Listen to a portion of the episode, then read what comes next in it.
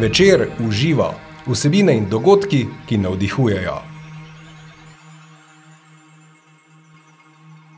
Dobrodošle in dobrodošli v novi epizodi podcasta Večer uživo. Tokrat bomo spoznali metodo, ki nas sooča z družinskimi vezmi, nam jih pomaga ozavestiti in preseči. Čemu? Zato, ker v le teh tičijo razlogi za različne blokade in nepretočnosti v naših življenjih, bodi si na področju medosebnih odnosov, posla in tudi zdravja. Da smo srečni šele takrat, ko smo v slogi in soglasju s svojim družinskim sistemom, je prepričana moja tokratna sogovornica. Dobrodošla Nataša Čebulj, sistemska terapevtka in moderatorka za postavitve družine po Bertu Hellingerju. Gospa Nataša Cebulj, dobrodošli, kako ste? Ja, moram reči, da kar v redu, glede na današnje čase, ja. sem v redu in nekako se v sebi dobro počutim. Aha. Kaj, gospa Nataša, skrbite za to, da se dobro počuti? To, to vas moram vprašati v teh, eh, pravite, v teh negotovih oziroma eh, mal posebnih časih. Kaj vi skrbite za neko dobro kondicijo, dobro razpoloženje oziroma počutje? Ja, v bistvu se vedno pri sebi, če se slučajno, da bom začela obratno, če se slučajno ne počutim dobro, se v bistvu vprašam, kaj lahko naredim, da bi bilo drugače, na kaj imam jaz vpliv. In potem pogledam, aha, mogoče se lahko malo razmigam, mogoče lahko grem na sveži zrak, včasih me kaj poezi tudi ali pa razlosti. In se tudi vprašam, kaj za to pomeni, ali lahko kaj drugače. Naprimer, če imam kakšna pričakovanja, da naredi nekdo drug nekaj pa pol vidim, da na to nimam vpliva, pa se poprašam, kaj pa lahko v zvezi s tem naredim. In ko se že to vprašam, je že laže. Druga stvar pa se vedno, ko se zjutraj zbudim, se vedno vprašam, zakaj sem lahko hvaležna danes. In že to mi da en tak optimizem, da mi je dosti lažje. Tudi če je kaj težega, tako da moram reči na splošno, uh, skušam čim več sama narediti svoje dobro razpoloženje. To, vse to, ne, to je ključno. Za bi lahko rekli, da za svoje dobro in slabo razpoloženje smo odgovorni oziroma krivi sami. Je, tako? Da sami, zdaj, tako bom rekla, da sami prevzemamo odgovornost, tako. kaj v zvezi s tem lahko naredimo. Zdaj bom rekla, mhm. zdaj seveda pride, naprimer, ravno zdaj, ko so te ukrepi, pa da ne smemo v drugo regijo, pa mhm. tisto, pa te to lahko zelo razredi, kaj pa zdaj, pa ne morem svojim prijateljem, svojim bližnjim. Mhm. In zdaj se spet lahko vprašaš, ja, aha, dajmo malo pogledati, kaj zdaj dejansko je zvezi s tem, kaj to pomeni za mene in se malo umiriš in pol malo pogledaš, pa vidiš, da se vseeno lahko veliko stvari počneš in da, in, da ni tako hudo, kot bi si mislili. Ne? Mogoče za ene starše je zdaj težko, ko bo za otroci spet doma, pa se vprašam, aha, kaj pa zdaj to smo lahko jezni, lahko se vprašam, aha, kaj da lahko naredim z tem, ker zdaj se bom opiral, pa benzin ne bo nič boljše. Tako, ja. Lahko pa si seveda vam duška, pa grem malo v gost, pa se malo zberem tam, pa počti plaže, tudi to je možno. Nekak, v nekem smislu se pač kaj lahko sam naredim, ker zdaj jaz ne morem zdaj spremeniti, da bo te ukrepe drugačni. Ja. Lahko pa vplivam na to, kako bom jaz v odnosu do te ukrepe naredila, da bo meni čim bolj lažje. No, tako, A, super super na svet. Uh, gospa Nataša Čebulj, uh, vi ste sistemska, med drugim tudi sistemska terapeutka in moderatorka za postavitve družine po Bertu Hellingerju. Um, zdaj bova midve mal uh, ta sistem oziroma to metodo uh, mal razdelali oziroma predstavili. In če zdaj zelo na grobo uh, povzamem, da v duhu te metode pravite, da smo srečni šele takrat, Eh, ko smo v slogi in soglasju s svojim družinskim sistemom, oziroma lahko rečemo, da za vso srečo oziroma nesrečo, pa za razne bolezni, pa, pa ne vem, uh, za bolj ali manj uspešne posle, odnose in sploh nek odnos do življenja nasploh, uh, lahko rečemo, da so krivi oziroma koreninijo ti vzroki pretočnosti ali pa tudi ne v naših primarnih družinskih odnosih ali kako oziroma kaj to pomeni. Ja, zdaj tako bi rekla. Ne, bom rekla minimalno eno tretjino od tega, kako smo srečni in uspešni življenje, je povezano z našim družinskim sistemom. Uh mhm. -huh. Ko pravimo, saj ena tretjina vseh teh potencialov naj bi bila vezana na to, kaj so nam dali naši predniki. To so pa lahko in tisti pozitivni potenciali lahko pa tudi taki težki občutki od strahovi, žalosti, paranoje, tudi lahko izvirajo iz njih. Uh mhm. -huh. Zdaj, ena tretjina pravi, da je nekako naš tisti potencial, uh, kateri nam je nekako naravno dan in tudi bi so naš odnos do tega, kaj bomo s tem naredili. Zdaj, ena tretjina pa pravi, da je tudi odvisno od okolja, v katerem živimo, ker seveda lahko bi rekli, da je seveda drugače nekomu, ki živi, ko bom rekla, v deželah, ki so bolj revne in nimajo kaj za jesti, ali pa mogoče na vasi, ali pa nekomu, ki je v mestu. Tako da nekako rečemo, da pa tudi ta okolica, družba in to, da je od tega tudi odvisno in se to malo prepleta. Ampak zdaj, kar bi rekla, eno tretjino imamo vpliv na to, kako bomo sprejemali to in kako bomo spoštovali to, kar je bistvo povezano z temi okoliščinami. Tako bi rekla. In ta metoda nam da možnost, da pogledamo, kaj je tisto, kaj ne sprejemamo v svojem sistemu, oziroma se ne zavedamo, da imamo kakšne strahove. Ne, z mhm. tem. Naprimer, kaj pa vem, mene je lahko, dobro, sem imela pred kratkim eno deklico, ki je bila stara 12 let, so starši prišli k meni in so rekli, da se boji stopiti v vlak, pa se še nikoli v življenju ni peljala vlak, da je imel tak grozen strah, da ne vejo, odkot je to, pa tudi od malega, da je imela zelo veliko paranoja. Mhm. Pa tudi objektivno so vedeli, da nič ni in to.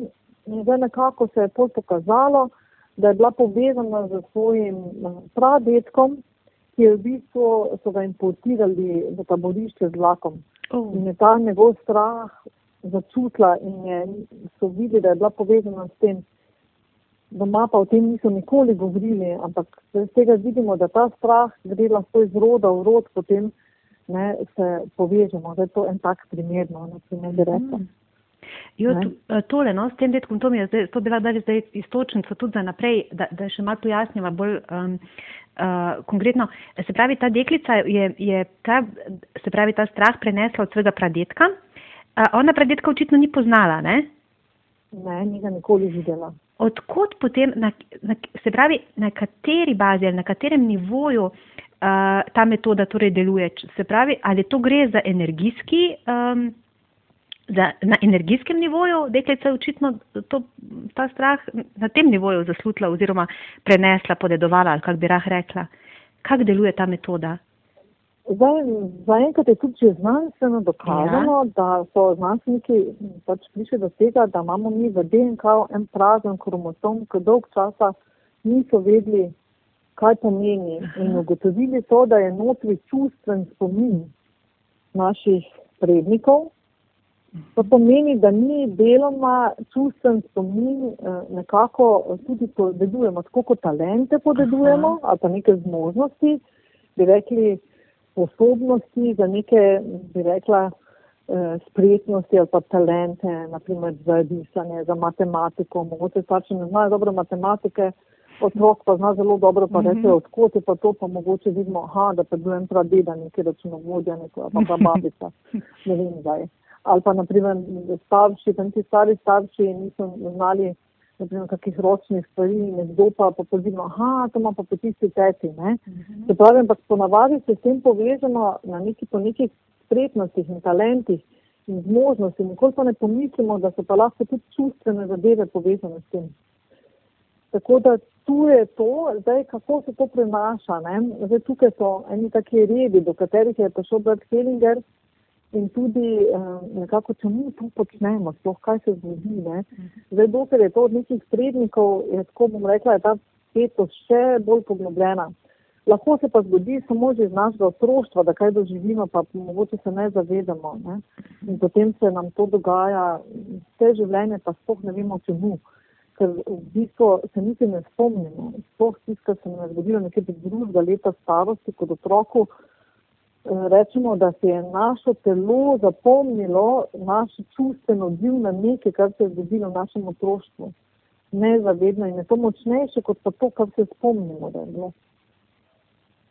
In kaj se potem zgodi? Naprimer, ob nekem prostoru ali pa ob nekem dogodku se začnemo tresti, nekako čudno reagiramo, pa ne vemo, čemu. Uh -huh. In spoh ne vem, naše telo reagira in uh, potem je lahko povezano z nekim dogodkom, ko smo bili mehni. Lahko je pa povezano z dogodki, ko so jih naši starši doživeli, pa jih ni preko njih, vseeno odvisno. Ne, to je čisto povezano s tem, kot je rekla, naše telo ima čustven spomin. Ne. Pa pa vem, na primer, kot otrok, sem bila majhna pred dveh leti, uh, so me dali na operacijo mandlo. Včasih starši niso smeli biti s svojimi otroci, si bil en teden tam sam brez staršev. Ja. In to je za dveletnega otroka ogromen šok, da je bil brez staršev en teden. Ja. In uh, na nezavednem mi se ne spomnimo, sploh kako je bilo, kako je bilo pred dveh letih. Ampak nekje ta občutek, da si bil tam nekje sam in da te oseba, ki si je imel najbolj potreboval, so tudi starši, mama, še posebej, tam nekje pustila ali celo je rekla, da takoj pride, pa potem ni prišla. Ja, in to bila v telesu ena močna travma lahko. Zdaj, jaz govorim o nekih mogoče o nekih svojih izkušnjah, ne. In potem seveda, kaj se zgodi, da potem tej mami na nezavednem, tudi če smo pri dveh letih, ne zaupamo več, ko pridemo domov. Ker imamo skozi strah, da nas bo zapustila. Čeprav je ona pol skozi z nami. Mhm. Ne? In Bert Hellinger je na primer prišel do tega, da mi živimo navadno v enih petih slikah o svoji mami, na primer za pač primer sem povedala mamo, Ja. in se navadno spomnimo bolj pogosto bolj težke stvari, kaj so se nam zgodile, kaj hudega, da ne zavednem, tudi če je to, se niti ne spomnimo. In skozi to sliko, skozi doživljamo svojo mamo in tako naprej pred dveh leti, če jaz nisem zaupala več svojim staršem, potem kako bom zaupala drugim ljudem, Tako. koliko sem odrasla na nezavednem, ne zaupam. Zdaj, to so pa lahko tudi moje prednosti, ne? Mhm. Ker ko ne zaupam, hočem se sama, se sama zorganiziram in sem lahko s tem zelo dobra in uspešna. In hkrati mi neka travma lahko povzroči tudi neko, neko uspešen potencial. Ne, dokler je to zame dobro, kot pa, ko pa ni več, potem pač pogledamo, kaj je tisto, ne sploh, če zaidemo pol v neki delohulizem mm -hmm. ali pa kakšne odvisnosti zaradi tega. In to so včasih nezavedni sistemi in to se potem na to, da se kaže, odkot izvira nekaj, kar nam povzroča težave ali nam je hudo živeti od tega, no tako zelo preprosto bi rekla. Se pravi, da so, eh, da, da lahko eh, je odlična torej za eh, razreševanje nekih, se- tako kot sva rekla, iracionalnih ali pa nepojasnjenih ali strahov ali blokad um, na, na vseh področjih, ne, tako posla, odnosov, um, zdravja tudi, ne, konec koncev. Zdravje sploh je povezano veliko krat Ja. ja. z čustvenim odzivom, se to nam zdaj že vse Znanost, ja. te metode od kitajske Ja, medicine do arvedske že govorijo in tudi na se zadnje že uh, tradicionalna medicina govori o tem, da je veliko čustvenih zadev. Meni pogosto pridejo ljudje, ki se celo zdravniki jim reče, da so to psihični odzivi mm -hmm. na to bolezen, jo ne znajo pozdraviti. Ne? Zdaj pa, ko smo v teh časih, ko smo pritisnjeni, bom rekla, ob neko močno mejo, ne, Ja. ja. ki se mi lahko čutimo, da nas ovira, pa ta čustveni odzivi še bolj pridejo ven in lahko nam še hitreje povzroča kakšne stomatske težave, od mogoče, da teže dihamo, do da imamo povečan krvni tok, eh, do tega, da imamo lahko težave z eh, če se strahovi hrbtenico, mm -hmm. tako da to je zdaj zelo povezano, katero čustvo povzroča kakšne težave. To je seveda zato potem tudi veliko krat tudi pogledamo, da se pove- povežemo z enim dogodkom, ki se ga zelo spomnimo in potem zaznavamo reakcije v našem telesu, kako je, zdaj pa če smo pogosto v takem čustvenem stanju, pa seveda to lahko povzroči bolezen. Ne pomeni, da samo to, ampak lahko pripomore k temu, da se ja. lahko nekaj poslabša Mhm. ali celo pospeši v nekem trenutku. Gospa Nataša, kako izgleda ta postavitev, čist konkretno? Um, kako jo izvajate? Pa, pa, Zdaj, ja, mhm, ja. kar izvolite.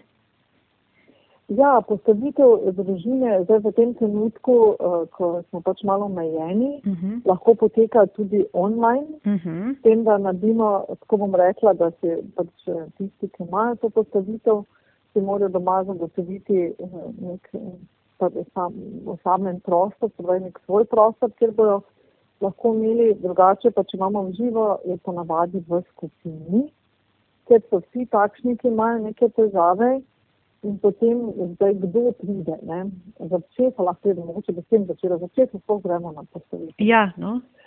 Ja, zdaj, tako bom rekla, po, pogosto gremo na postavitev takrat, ko mogoče bom rekla, v, se, v naši družini ne počutimo dobro. Uh -huh. Zdaj bom rekla, ali v odnosu do partnerja, ali v odnosu do svojih otrok, ali v odnosu do staršev, kar so v bistvu primarni. Ne? Uh -huh. Zdaj pogosto rečejo, da mi smo pol mame in pol očeta.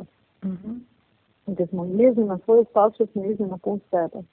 Če smo žalostni, pa nam je hudo za staršev, je ta žalost v nas. In v bistvu ne morem biti ne otrok svojih staršev. Naprimer. In to je pogosto se pokaže, da je to um, mogoče v odnosu do staršev povezana ta naša situacija in potem odnosi z brati in sestrami. Pa karkoli nam povzroča nek občutek, da nismo dovolj dobri, da nismo zaželeni. To je zdaj ena situacija, to so naše zaznave in občutki, druga so pa tudi bolezni ko obstajajo individualne bolezni in obstajajo tudi družinske bolezni. In da vam rekla, še posebej nam je hudo, če dobijo bolezni naši otroci. In zdaj pravijo, da otroci pogosto, sploh so menjši, tam do 20 let starosti, da bolezen ni njihova, ampak nosijo nekaj za svoje starše. Zdaj, če mi to nosijo, naprimer, če smo na nezavednem, zdaj bom pa se vrnila takrat, kako se te travme tudi zgodijo. Mi kot mali otrok do dveh let težko preživimo kot star, brez staršev. Uh -huh. In bomo vse naredili, da bi nas starši sprejeli. Vse. In mi, tako bomo rekli, na nezavednem brezpogojno ljubimo svoje starše. In eh, na nezavednem tudi, kar se dogaja našim staršem, do takrat začutimo, kot da smo tu mi.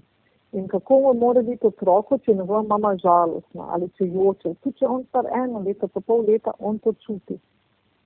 Ne? In zdaj seveda, če imajo otroci težave, razne alergije, razne bolezni ali imajo kakšne druge motnje, potem pogosto starši pridejo zaradi tega, da pogledajo to motnjo, kaj sporoča družini. Zdaj, če so pa družinske bolezni ali odvisnosti, pitje alkohola, droge, to so vse družinske bolezni. Ker posamezni član ne more piti. On kaže, mislim, on že lahko sam mm -hmm. pije, ampak kaže neke družine v tem sistemu. In pogosto bi lahko pogledali, če so moj partner pije, naprimer, mm -hmm. lahko pogledam, ali je v mojem sistemu tudi kdo pil, ne samo v njegovem pogosto se zgodi, da lahko partner pije tudi na mesto mene. Ne, to pa je pogosto moški pijejo na mesto ženske, tako da so one trezne za otroke, v takem primeru pač povem. Uh -huh. To pogosto ne pomeni, da to nujno. Ne, in uh, nekdo, ki pije v družini, kaže stisko te družine, cele družine, ne samo njega. Ne, ampak to pa ne pomeni družine na tem, naprimer, ko rečemo mož, žena, uh -huh. starši, ampak tudi še širša družina to pomeni. Širši sorodniki, ne? ne? Ja. Ne, in zdaj zadnji sem imela ravno en primer, ko je prišel en oče, starejši oče, uh mhm. -huh. pri 80, zato ker je njegov sin okoli 50 star čisto zapit, uh, da je groza, da je izgubil otroke in vse. In ja. pokazalo se je, ko je ta starejši oče pri 80 prišel na postavitev, da je ta njegov sin povezan z njegovim očetom, ker nikoli ni priznal, da je tudi njegov oče pil in je, ko je bil tako pijan, da je povozil vlak in o tem se nikoli ni govorilo, to je družinska skrivnost. In pogosto uh, nam taki ljudje, ki imajo težave v družini, kažejo, da je neka skrivnost tudi, od katero se hoče tudi pokazati. In pri tej metodi, zdaj bomo pa se vrnili nazaj, kako to poteka. Poteka tako, da uh, ko smo v skupini, naprimer, uh, takrat izberemo, naprimer se pogovorimo, najprej se uh, tisti, ki ima postavitev, ki ima to težavo, pogovori z mano, tako da drugi ne vejo, kaj je ta težava, tako da to je individualni pogovor, to je mhm. zaupna zadeva, se ne nazgalja tam pred drugimi. In potem, ko se mi da pogovoriva, kaj je ključno, se postavi njega in to težavo. To pomeni, kaj pa je težava, drugi ostali ne vejo. Tako da en predstavnik je postavljen v to težavo, kakršno koli pač to je, en pa predstavlja njega. Uh -huh. Ker da samo tisti, kdo postavlja njega, tisti pač ve, kdo to je, ampak v odnosu do te težave, ne kot celota, na primer. Mhm. In potem ostali, ki pa jih jaz postavljam noter, potem po potrebi, ker se kažejo znaki, oni ne vejo, kaj predstavljajo. In samo ta veka ima postavitev, tako da je to zaupno. In kar je biti tukaj fenomen, tako se reče fenomenološka metoda, da ti predstavniki dejansko uh, prevzamejo energijo in čustva pravih ljudi. Kar je fenomenalno in bistvo, da nekdo, ki bi bil postavljen naprimer v mojega sina in nekdo, ki predstavlja mene, se tisti predstavnik, čeprav ne ve, da on predstavlja mojega sina, začne točno tako več kot moj sin. In se ljudje šokirani, ko to doživijo. In se potem tudi sprašuje, kako je to mogoče. Kako je Mhm. mogoče, da je ta energija prišla od tega človeka in to je ta fenomenološki pristop. Zdaj, jaz to razložim čist fizikalno. Ja, jaz imam kar kurjo kožo, Tako, kar ganjena. Ja. ja. to je čist fizikalno, ker naprimer tudi mi, ko stopimo v en prostor, nam je nekje bolj ugodno, nekje manj ugodno. Bom pa tako povedala, dve tretjini našega telesa je vode. Mhm. In dokazane so že znanstvene raziskave, da voda ima energijsko spomin. In ko se mi postavimo v polje, v nekaj, kar predstavljamo, dejansko, ne, če smo seveda pripravljeni, ne, da, da nas nekdo prisili, da to tudi vsak zaprosi te predstavnike, če lahko predstavljajo ta element Mhm. B ali pa temo ali karkoli. In on reče ja, in s tem, ko predstavlja, se postavi v to polje tega elementa, tega človeka, te mame ali koga in on predstavlja, naprimer, mojo mamo in se potem tudi pokaže točno taka energija. In zdaj postavitev nam pokaže situacijo, kakšna je v tem trenutku in kaj je treba najprej razrešiti, da bi to te stranke bilo lažje. Zato jaz pogosto rečem, da delamo s celim sistemom, ne samo s klientom. Ker mogoče bo klient prišel, da bi lahko razrešil odnos z sinom, naprimer, da bi šla mama, da bi rada, ker sin ne upošteva, Mhm. ne spoštuje, potem se pa pokaže, da ona nima razrešenega odnosa z mamo. In sistem sploh ne bo dovolil, da dela s sinom, dokler ona ne razreši odnosa z mamo. Ne, tako kot primer Ja, pokažem ja, močno. ker eh, so tu pač ena pravila, katere pol na delavnici povemo, kakšni so naravni redi, da bi lahko ljubezen tekla. In tudi, naprimer, eh, te Helingerjevi metodi se tudi reče redi ljubezni. Naprimer, v Srbiji imajo, eh, naprimer, eh, redi ljubavi, rečejo, ali pa order of love. Imajo to metodo celo priznano iz Zavoda za zdravstveno zavarovanje, ki se jim prizna kot terapevtsko metodo. Zaradi tega, ker ima take pozitivne oči, oči, oči. Ja, zaradi tega, je tam sistem, imajo več te kolektivnih travm, kot pa mogoče pri nas, čeprav Mhm. so tudi pri nas, pa nas je mogoče bolj individualno vezano in je bolj prisotna kognitivna, se pravi ta mentalna uh, terapija, kot pa v bistvu uh, socialna ali pa družinska dinamika. Ne. Tako da um, to, ne, naprimer v našem inštitutu smo tudi edini, ki usposabljamo moderatorje po tej metodi in povabimo potem tudi kolege iz Srbije pa iz Hrvaške, ki pridejo predavati. Mhm. Doktor Jasna Srničič, ona se to na fakulteti tudi predava in v bistvu je to tam že nekako priznana metoda, da lahko olajša te družinske, kolektivne in individualne travme. In nam prek, tako bom rekla, pomaga nam, da se nekaj sprosti z sistemom.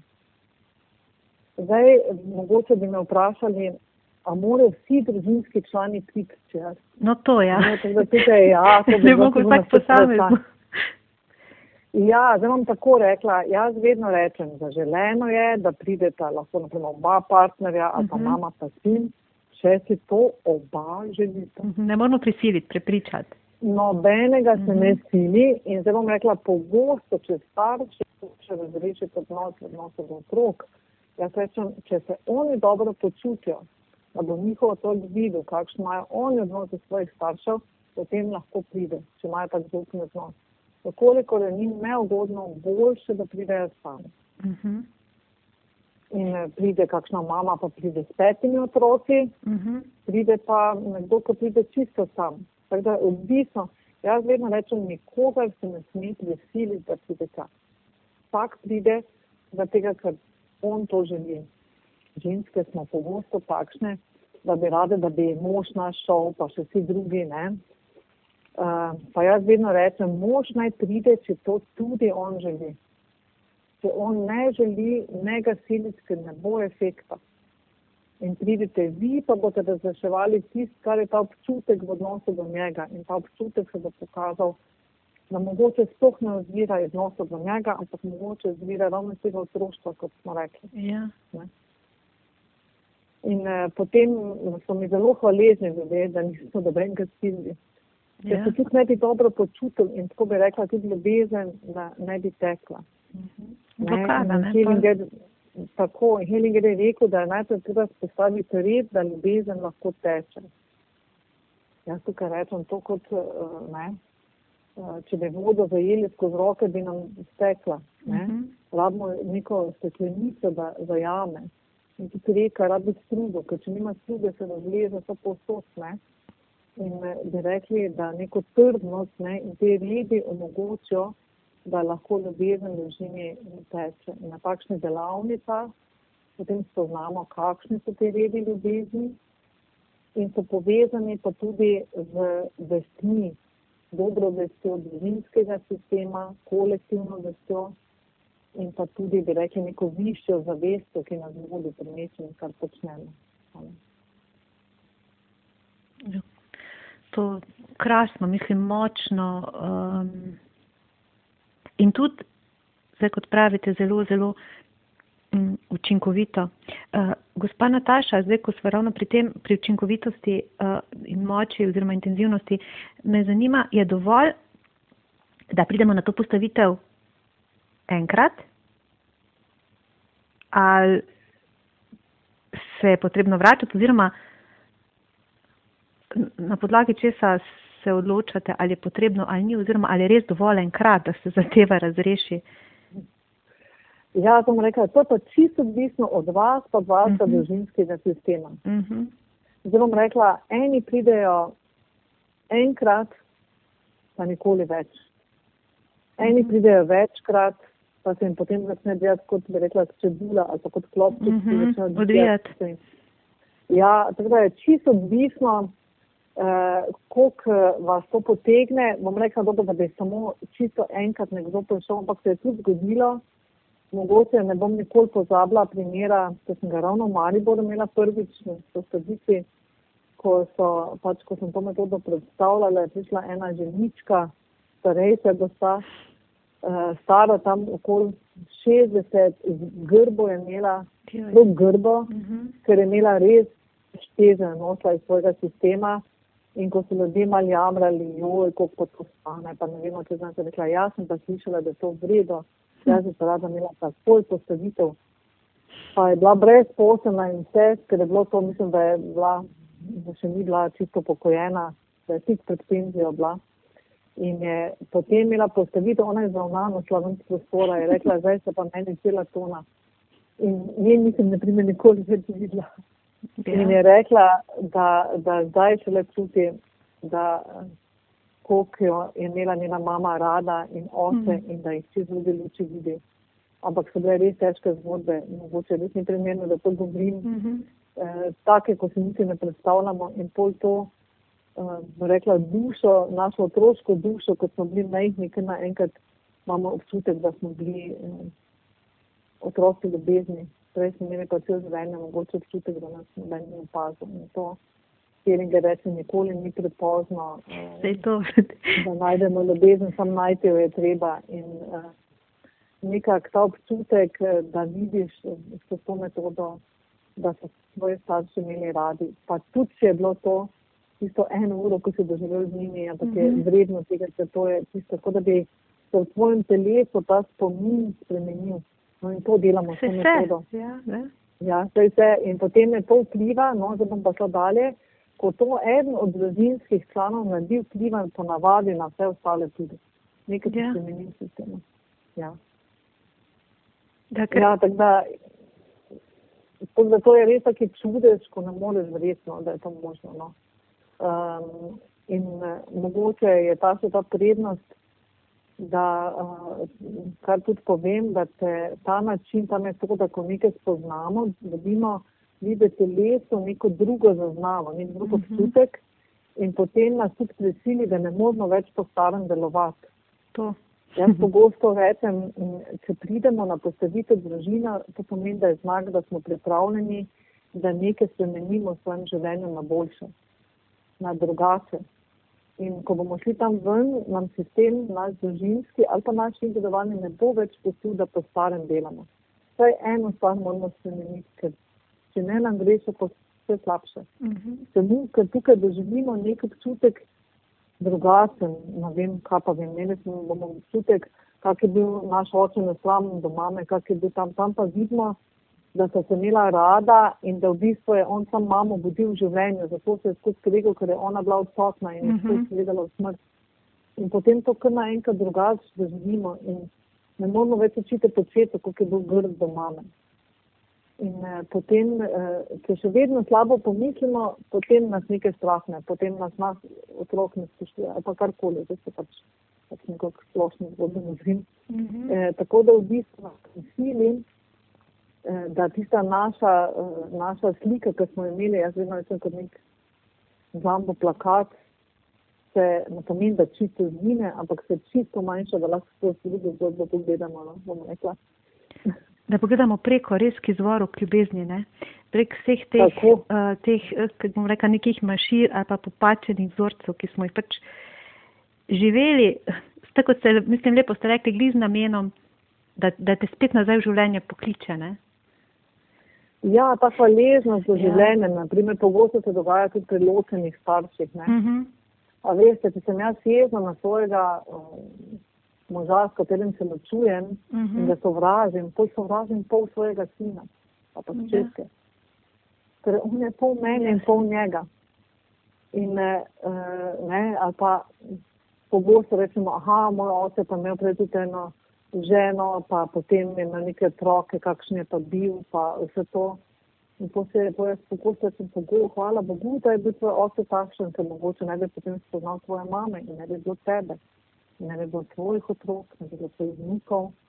In se lahko samo s spoštovanjem pogledamo na tisto prvo ženo tvojega očeta in tiste tete in strice, ki so plačali to ceno, da je tvoj oče ga pošmiral s tvojo mamo in zdaj si ti tukaj Mhm. in so tvoji otroci in so tvoji vnuki.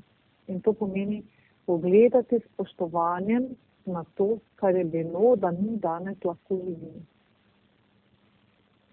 In to je taka velika zgodba in veliko olajšanje. Ne? Pogosto tudi kot otroci se zavežemo mm, našim staršem, ker živimo skozi njihove vrednote in prepričanja. Kaj pa vem, pa nas so rekli, ja, samo če boš pridno delal, Ja, boš lahko kaj dosegel v Ja. življenju. In potem si tako. ne dovoliš, da bi počival.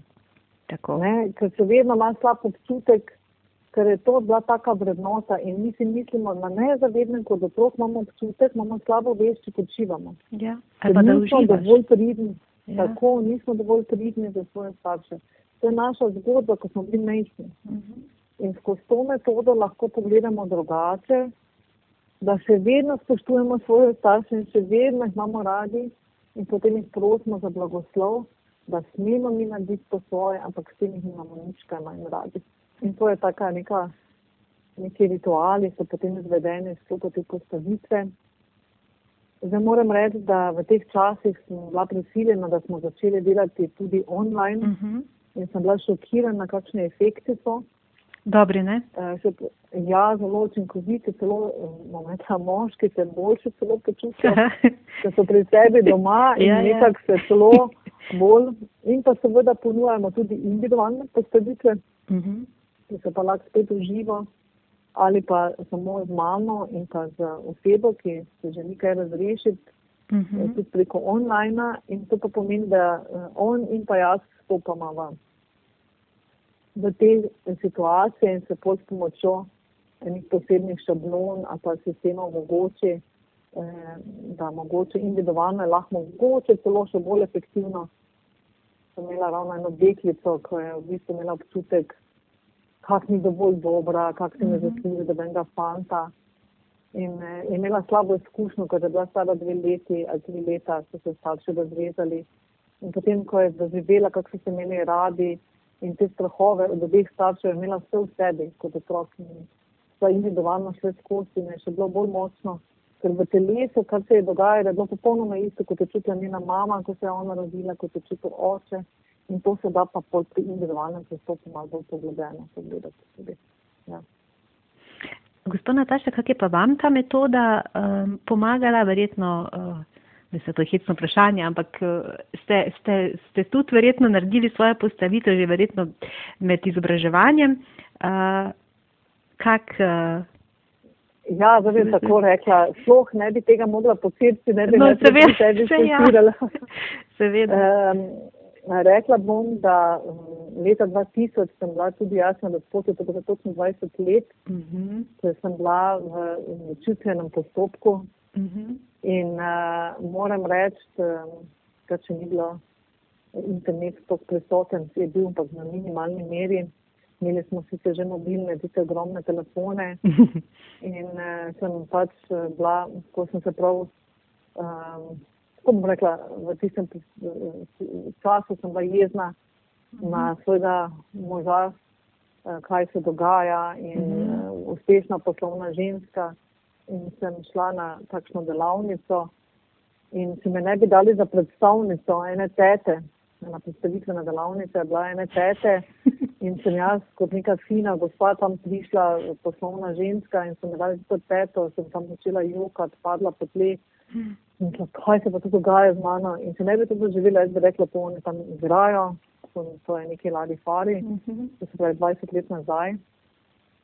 In uh, ko sem to doživela, um, me je to tako pretreslo, da sem šla takoj naslednji mesec na svojo postavitev.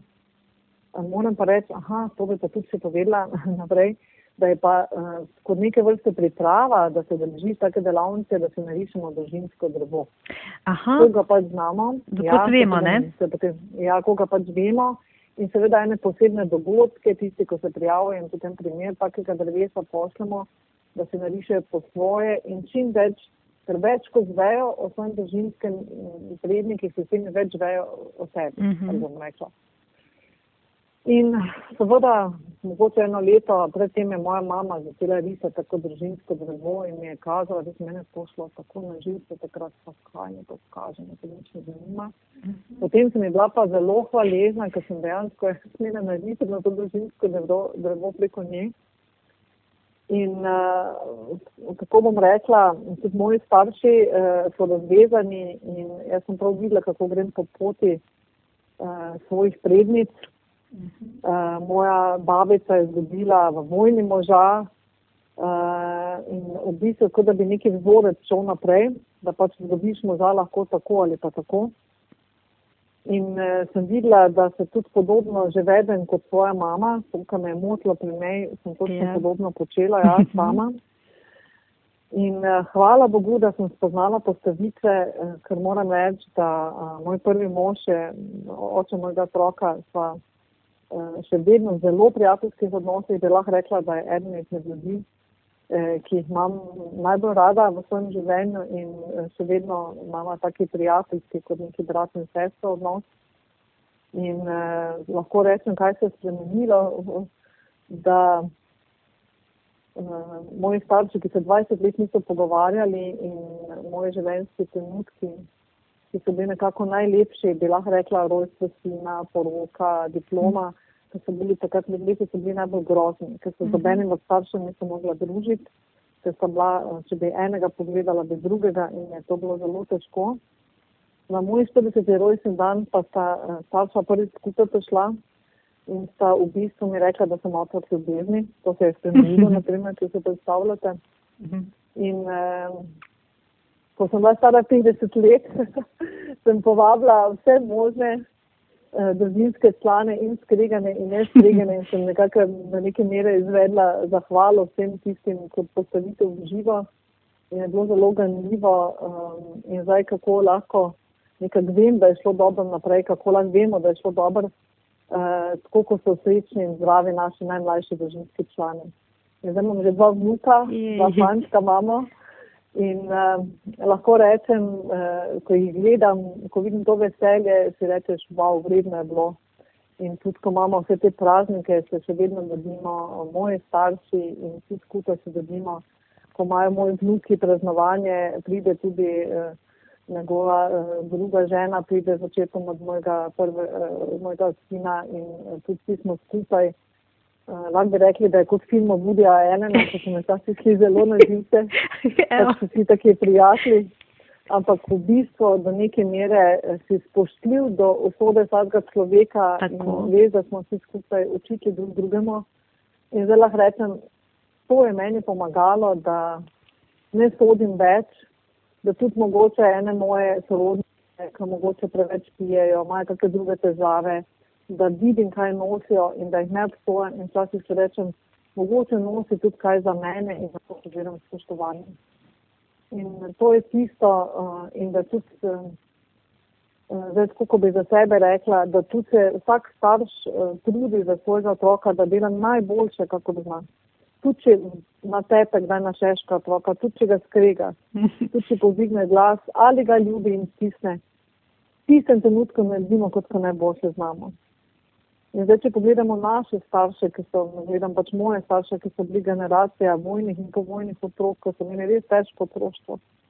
In še njihove starše, da so v bistvu nam dali res veliko, glede na to, koliko so dobili v tistih časih. In da m, lahko obsojamo, lahko smo jezni, ampak nam to nič ne pomaga. In, in ta metoda nam pogleda, da pogledamo, kaj je tisto, uh, kaj jih je dobilo in kako lahko pogledamo drugače in spoštovanjem sprejmemo, kaj so nam zmogli dati in s tem nekaj naredimo boljšega.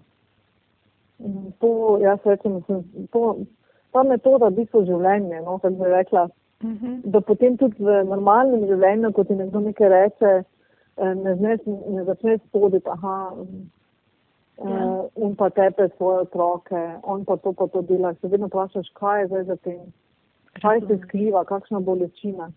To ne pomeni, da zdaj ti odobravaš to dejanje. To pomeni samo to, da, da vidiš, da ni samo v njem to, da to, to počne, ampak da je to nekaj širšega. Tako da razumeš ja. zgodbo ne, vsakega Tako. posameznika. In tudi vidimo zdaj, ko imamo to situacijo glede koronavirusa, kako se različno odzivamo. Eni so jezni, da imajo mhm. novinane pravice, eni se bojijo in je strah, eni obsojamo, kako to, da se ne naredimo pravil. Eni imamo občutek, eh, da je vse ok. Da smo zelo različni in um, jaz sem delala z eno skupino ravno na tem in se je pokazalo spet, da imamo točno takšen odziv uh, v tem času, kot smo imeli odziv v našem otroštvu do petega leta starosti.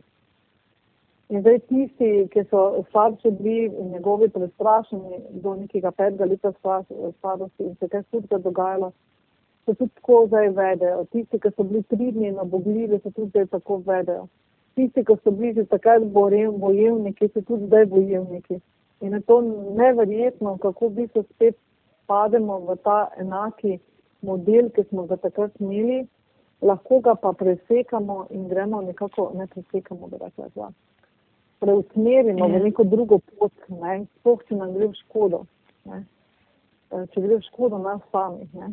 In jaz se vedno vprašam, kaj zmorem jaz narediti, da bi bilo drugače. Tako. In če lahko s spoštovanjem pogledam na nekoga, ki se drži ukrepov in se boji, ne da ga sodim. Uh mhm. -huh. In če lahko s spoštovanjem pogledam tudi na tiste, ki ga to moti in se počuti oviranga in lahko vidim zgodbo za obema, da imam vsak uh mhm. -huh. neko svojo zgodbo in da skušam biti spoštljiva do radka vsakega in reči, aha, jaz sem pa tako naredila, kot jaz zmorem ne pomeni, da je tako prav, ampak tako narobe.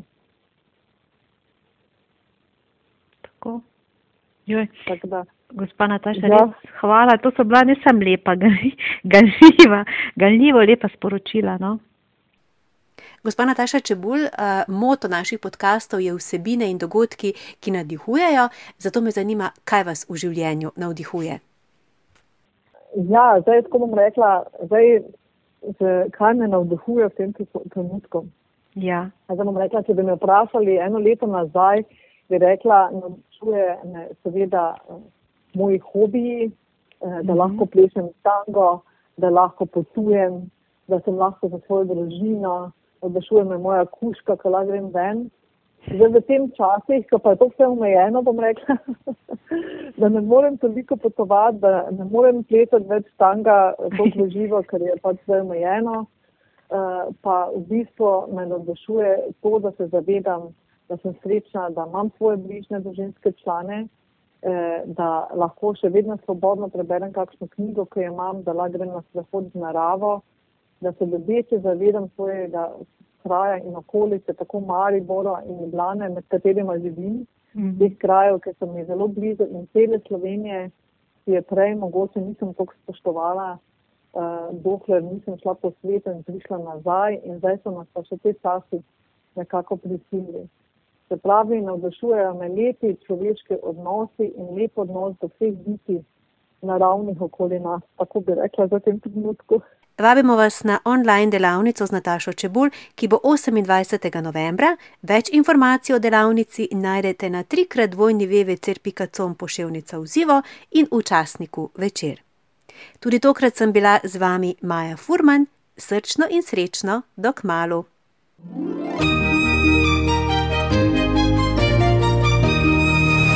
Večer uživa vsebine in dogodki, ki navdihujejo.